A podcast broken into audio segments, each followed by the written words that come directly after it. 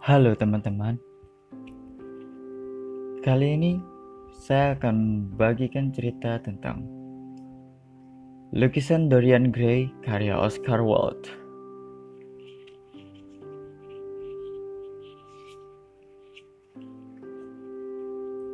Seniman adalah para pencipta keindahan.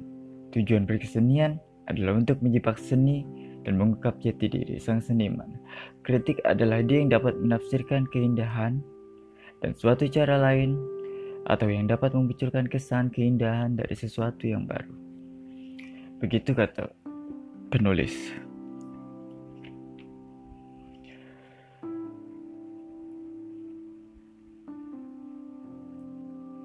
Bab 1 Ruang studio itu dipenuhi oleh aroma bunga mawar yang demikian pekat.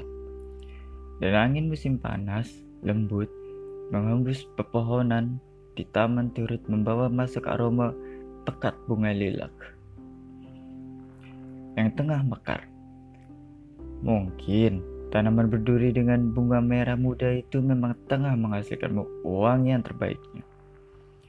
Di atas dipan model Persia yang tengah didudukinya, Lord Henry Walton tengah berbaring sambil merokok, sebagaimana kebiasaannya. Seraya memandang sekilas pada keindahan pohon laburnum yang telah berbunga. Begitu semarak dengan kembang-kembang yang sewarna dan semanis madu. Dahan-dahannya tampak bergoyang-goyang, menahan beratnya beban keindahan yang harus ditanggungnya. Sesekali, sekelebat, Bayangan menakjubkan burung-burung yang berterbangan terlihat menembus tirai jendela dari sutra yang menutupi. Sutra yang menutupi jendela berukuran besar di hadapannya. Pemandangan ini sejenak mengingatkan pada negeri Jepang, membuatnya memikirkan para penulis dengan wajah sepucat giok yang tengah tenggelam dalam diam untuk mencoba menciptakan efek gerak dan kecepatan dalam lukisannya. Dengung lebah terdengar.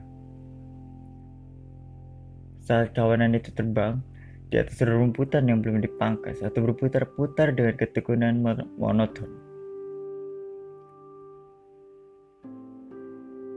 Di atas kuncup-kuncup bunga hollyhock yang tengah mekar di awal Juni, pemandangan ini malah semakin membuat keheningan itu terasa menyiksa.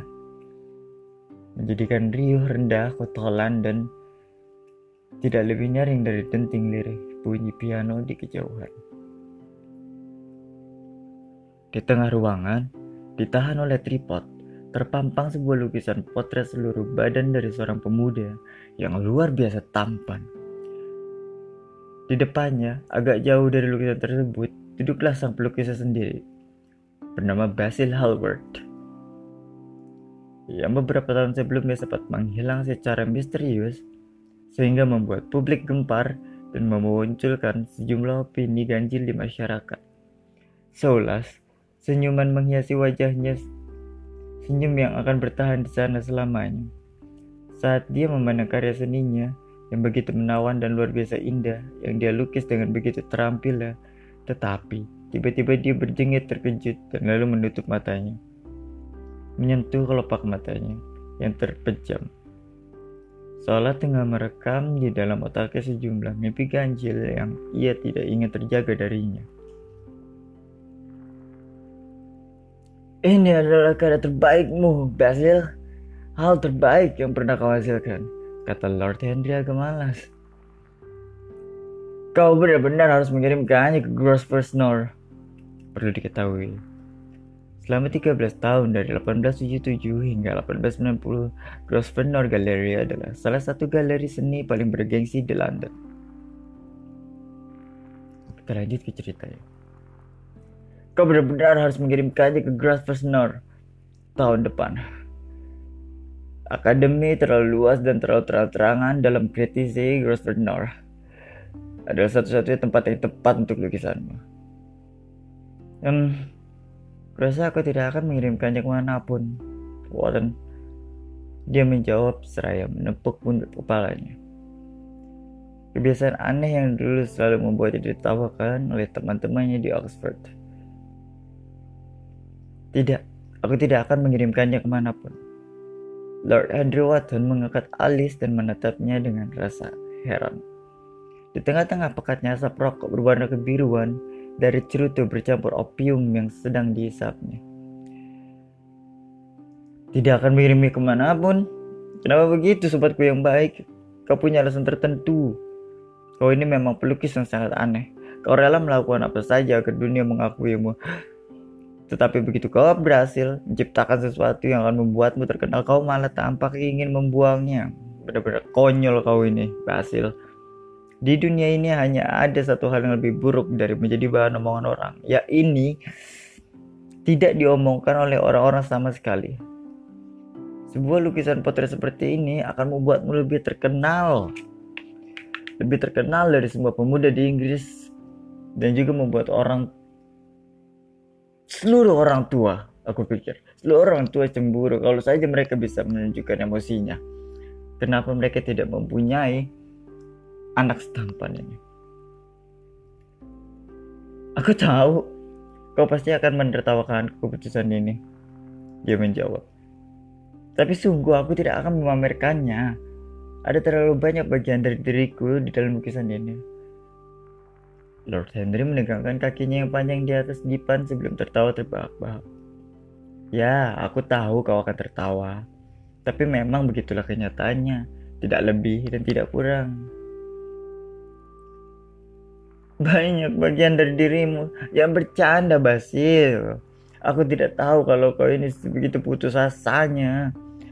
Aku juga tidak melihat adanya kemiripan antara dirimu dengan sang Adonis. Perlu diketahui, Adonis adalah tokoh dalam mitologi Yunani, seorang pemuda yang diberkahi dengan paras tampan dan menjadi kesayangan sang dewi cinta Aphrodite. Banyak bagian dari dirimu. Jangan bercanda, Basil. Aku tidak tahu kalau kau ini begitu putus asanya. Aku juga tidak melihat adanya kemiripan antara dirimu dan sang Adonis. Wajahmu kokoh dan kasar dan rambutmu sehitam arang. Sementara anak muda ini seperti terpahat dari gading dan terbuat dari kelopak mawar. Dia ini narsisus, Basil. Sementara engkau, hmm, kau mungkin memiliki para seorang cendikiawan, tapi hanya itu. Tetapi keindahan, keindahan yang sejati akan hilang ketika proses intelektual muncul. Raut cerdas hanyalah bentuk keborosan dan dapat merusak keselarasan wajah siapa pun. Saat seseorang tengah duduk untuk berpikir, seluruh wajahnya akan menjadi datar dan serupa. Betapa mengerikannya hal itu. Cobalah kau lihat wajah para pria yang telah mapan dalam pekerjaannya. Betapa tidak sedap dipandang wajah-wajah itu. Kecuali di gereja. Tentu saja karena di gereja mereka tidak berpikir seorang pendeta berusia 80 tahun akan menyampaikan khotbah yang sama dengan khotbah yang diminta untuk dia sampaikan ketika dia berusia 18 tahun. Apa kamu tahu itu? Dan itulah penyebabnya mengapa wajah para pendeta selalu terlihat menentramkan. Teman mudamu yang misterius ini, kau belum pernah memberitahu ke siapa namanya. Dia, Adonis ini Siapa nama aslinya? Lukisannya telah membuatku benar-benar terpesona Basil. Dia tidak pernah berpikir. Aku yakin sekali dia ini adalah makhluk indah tanpa pikiran yang semestinya harus berada di sini saat musim dingin karena tidak ada bunga yang mekar untuk kita pandangi dan saat musim panas ketika kita membutuhkan sesuatu untuk menyejukkan pemandangan. Ah, kau tidak paham Andrew Watson. Tentu saja aku berbeda darinya, aku sadar betul itu, sungguh. Aku pun tidak mau menjadi mirip dengannya. Kau tidak percaya, aku mengatakan yang sebenarnya ada bencana dalam setiap kelebihan fisik maupun kelebihan intelektual. Bencana yang telah menjatuhkan raja-raja lemah sepanjang sejarah adalah lebih baik menjadi seperti seorang kebanyakan. Mereka yang buruk rupa dan bodoh mendapatkan yang terbaik di dunia ini. Mereka bisa duduk-duduk dengan tenang sambil mengagumi jalannya permainan. Jika mereka tidak pernah mengecap manisnya kemenangan, mereka juga tidak akan pernah merasakan pahitnya kekalahan. Mereka hidup apa adanya, tidak diganggu, tidak mencolok, dan tidak pernah merasa cemas, Watson. Mereka tidak pernah menyebabkan orang lain menderita dan tidak pula dibuat menderita oleh orang asing. Kedudukan dan kekayaanmu, Harry, juga kecerdasanku, dan mungkin juga ketenaranku seharga apa pun itu juga sama. Paras Dorian Gray yang begitu mengenawan, kita semua akan menderita atas setiap anugerah yang kita dapatkan, sangat menderita. Dorian Gray, jadi itu namanya, saud Lord Henry Wotton, sambil berjalan menyeberangi studio dan menghampiri Basil Hallward. Ya, itulah namanya. Nama yang seharusnya aku tidak memberitahukannya padamu. Kenapa tidak?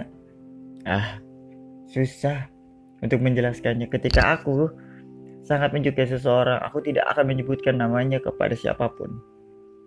Hal itu seperti menyerahkan sebagian dari diriku. Kau tahu sendiri, aku sangat menyukai kerahasiaan.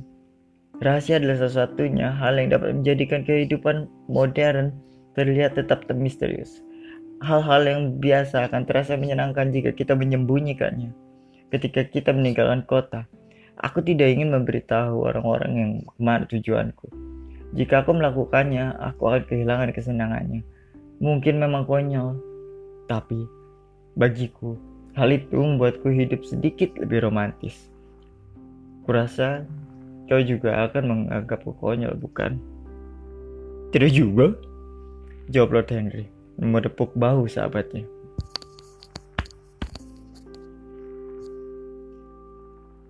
Sama sekali tidak sobat kebasil. Kau lupa bahwa aku sudah menikah dan salah satu hal yang menarik dari hidupku adalah bahwa pernikahan kemungkinan kedua belah pihak untuk saling berhasil. Aku tidak pernah tahu di mana istriku menghabiskan waktunya dan dia juga tidak pernah tahu apa yang sedang aku kerjakan. Ketika kami bertemu sesekali kami berkumpul, ketika kami pergi makan berada di luar atau saat berkunjung ke kediaman sang Duke, kami saling menceritakan kisah-kisah paling aneh dengan raut muka yang paling serius. Istriku sangat piawai melakukannya, bahkan dia jauh lebih terampil daripada diriku. Dia adalah pembohong yang ulung. Dia tidak pernah bingung dengan jadwal. Tidak seperti aku. Tetapi ketika dia memergokiku, dia sama sekali tidak mau ambil pusing sekali. Aku berharap dia akan protes, tetapi dia hanya menertawaiku. Aku tidak suka dengan cara membicarakan kehidupan pernikahanmu, Harry, kata Basil Holloway, menjebaskan tangannya sambil berjalan santai menuju pintu yang mengarah ke taman. Aku percaya kau adalah seorang suami yang baik. Kau hanya menyanyiakan keberuntungan yang kau miliki. Kau ini luar biasa, kawan. Kau tidak pernah sok menggurui dan kau juga tidak pernah berbuat tercela. Sikap sini semua itu hanyalah kepura-puraan. Menjadi sebagaimana yang seharusnya juga adalah kepura-puraan. Dan aku paling benci dengan kepura-puraan semacam itu, suruh Lord Henry menjawab Basil Hallway sambil tertawa. Kedua pria itu kemudian sama-sama menuju taman dan selama beberapa lama tidak ada yang bicara. Setelah keheningan yang agak panjang, Lord Henry mengeluarkan jam sakunya. Aku minta maaf karena aku harus pamit sekarang, Basil, gumamnya. Dan sebelum aku pergi, aku memaksamu untuk menjawab satu pertanyaan yang telah kutanyakan beberapa waktu yang lalu. Pertanyaan apa? Tanya Basil Hallward tanpa memindahkan pandangannya yang tetap terpaku ke tanah. Kau sudah tahu pertanyaan yang mana? Aku tidak tahu ya, Ri. Kalau begitu aku akan memberitahumu. Kumohon jangan. Aku harus, aku ingin kau menjelaskan kepadaku kenapa kau tidak akan memamerkan lukisan. Mr. Dorian Gray, aku ingin mengetahui alasan yang sebenarnya. Aku sudah memberitahukan kepadamu alasan yang sebenarnya. Belum. Belum. Potong Harry. Kau belum memberitahukannya. Kau bilang ada begitu banyak bagian dirimu di dalamnya. Itu sangat kekanak-kanakan. Harry, saat Basil Hallward yang menatap tepat di wajah. Setiap lukisan potret yang dilukis dengan segenap perasaan adalah lukisan potret sang seniman. Bukan model lukisannya. Si model tidak lebih dari sekedar kebetulan, suatu kesempatan. Bukan si model yang disingkap oleh sang pelukis, tetapi si pelukislah yang tak mengungkapkan jati dirinya lewat sapuan berwarna di atas kanvas. Semburat silang warnanya. Alasan mengapa aku tidak akan memamerkan lukisan ini adalah karena aku takut aku telah menunjukkan rahasia jiwaku lewat tulisan tersebut. Semakin keras Lord Henry ketawa. Memangnya apa rasa jiwamu? Dia bertanya. Awan memberitahumu, kata Halbert.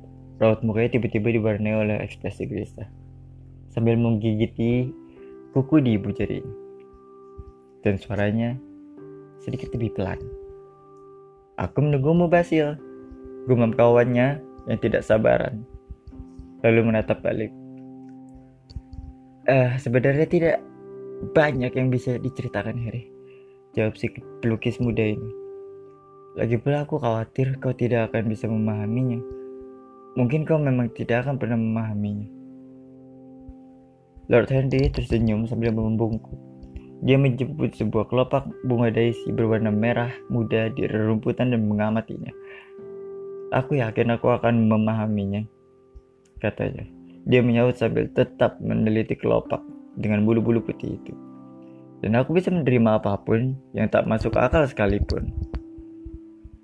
Angin berembus, menerbangkan bebungaan dari pepohonan. Bunga-bunga lilac yang mekar dan bergerumbul seperti bintang, berayun-ayun, malas di dahan. Seekor belalang tampak mulai mengerik di rumputan, sementara seekor capung kurus panjang mengambang di udara dengan sayap-sayap coklat transparannya. Lord Henry merasa seolah dia bisa mendengar bunyi detak jantung. Basil Howard. Dia penasaran dengan apa yang hendak dikatakan oleh sahabatnya itu. Memang tidak masuk akal, ulang Howard dengan nada agak pahit. Kadang-kadang memang tidak masuk akal bagiku. Aku sendiri tidak tahu apa artinya. Ceritanya sederhana ini. Dua bulan yang lalu aku mengunjungi kediaman Lily Brandon. Ceritanya dengan nada hampir menangis. Kau tahu kan, kami para pelukis memang diwajibkan untuk sering tampil di depan publik hanya untuk mengingatkan mereka bahwa kami bukanlah orang-orang yang tidak tahu tata krama. Cukup dengan mengenakan busana formal petang hari dan sebuah dasi putih. Sebagaimana yang pernah kau sarankan dulu, siapa pun, bahkan seorang pedagang saham bisa dianggap sebagai orang beradab. Nah, waktu itu aku baru 10 menit berada di ruang pesta Tengah berbicara dengan seorang akademisi bertubuh besar dan kikuk yang merasa ada seorang yang tengah mengawasiku. Aku pun setengah berpaling dan mataku dan mata Dorian saling melihat. Untuk yang pertama kalinya, ketika pandangan kami saling bertemu, aku merasa semakin pucat. Rasa takut amat sangat menguasaiku. Aku tahu bahwa aku tengah bertatapan dengan seseorang yang kepribadiannya begitu menakjubkan. Sehingga jika aku terus meneruskan menatapnya, seluruh keberadaanku, seluruh jiwa dan cita rasa seniku akan terhisap masuk ke dalamnya. Dia orang yang luar biasa, Harry. Aku tidak mengizinkan adanya pengaruh apa pun dari luar masuk ke kehidupanku. Kau kan tahu sendiri, Harry. Betapa mandirinya diriku, ayahku bermaksud memasukkanku ke angkatan bersenjata. Tapi aku memaksa untuk kuliah di Oxford Lalu dia memaksaku untuk sering-sering menghadiri pesta bersama kalangan atas di Middle Temple. Belum genap enam kali aku menghadiri jamuan santap malam, aku sudah menyerah dan menyatakan maksudku untuk menjadi seorang pelukis. Aku selalu menjadi tuan bagi diriku sendiri. Paling tidak, aku memang selalu seperti itu sebelum akhirnya aku bertemu dengan Dorian Gray. Setelah itu, entah bagaimana menjelaskannya kepadamu, ada sesuatu yang memberitahuku bahwa aku tengah berada di tepian jurang krisis yang paling mengerikan dalam hidupku. Aku mendapatkan perasaan aneh seperti takdir yang persiapkan. Untukku sebuah nasib yang sangat mujur sekaligus sebuah jalan hidup yang naas. Aku tahu jika aku bercakap-cakap dengan Dorian, maka aku akan langsung mendewa-dewakan dirinya karena ketampanannya dan tidak ada yang kurang darinya sehingga aku tidak boleh sampai berbincang dengannya. Tidak boleh.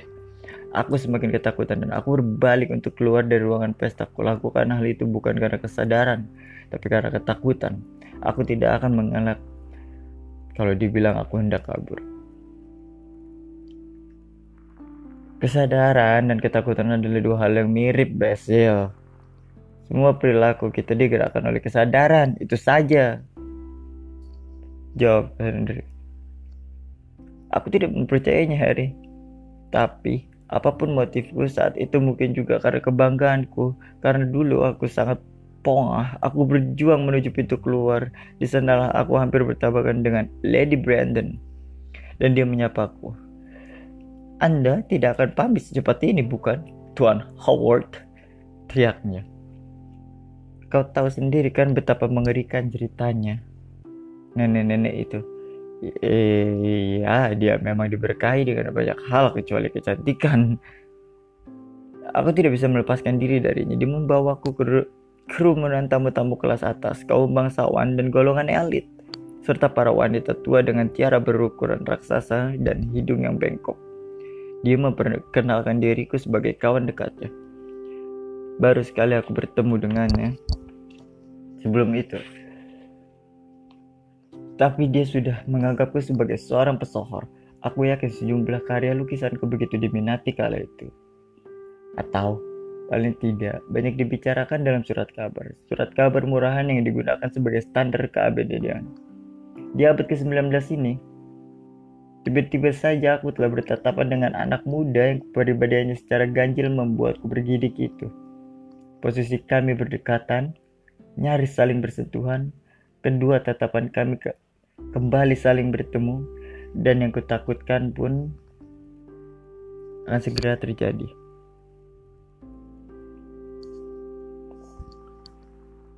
Sampai di sini, saya akan melanjutkannya ke bab 1 part 2. Terima kasih untuk teman-teman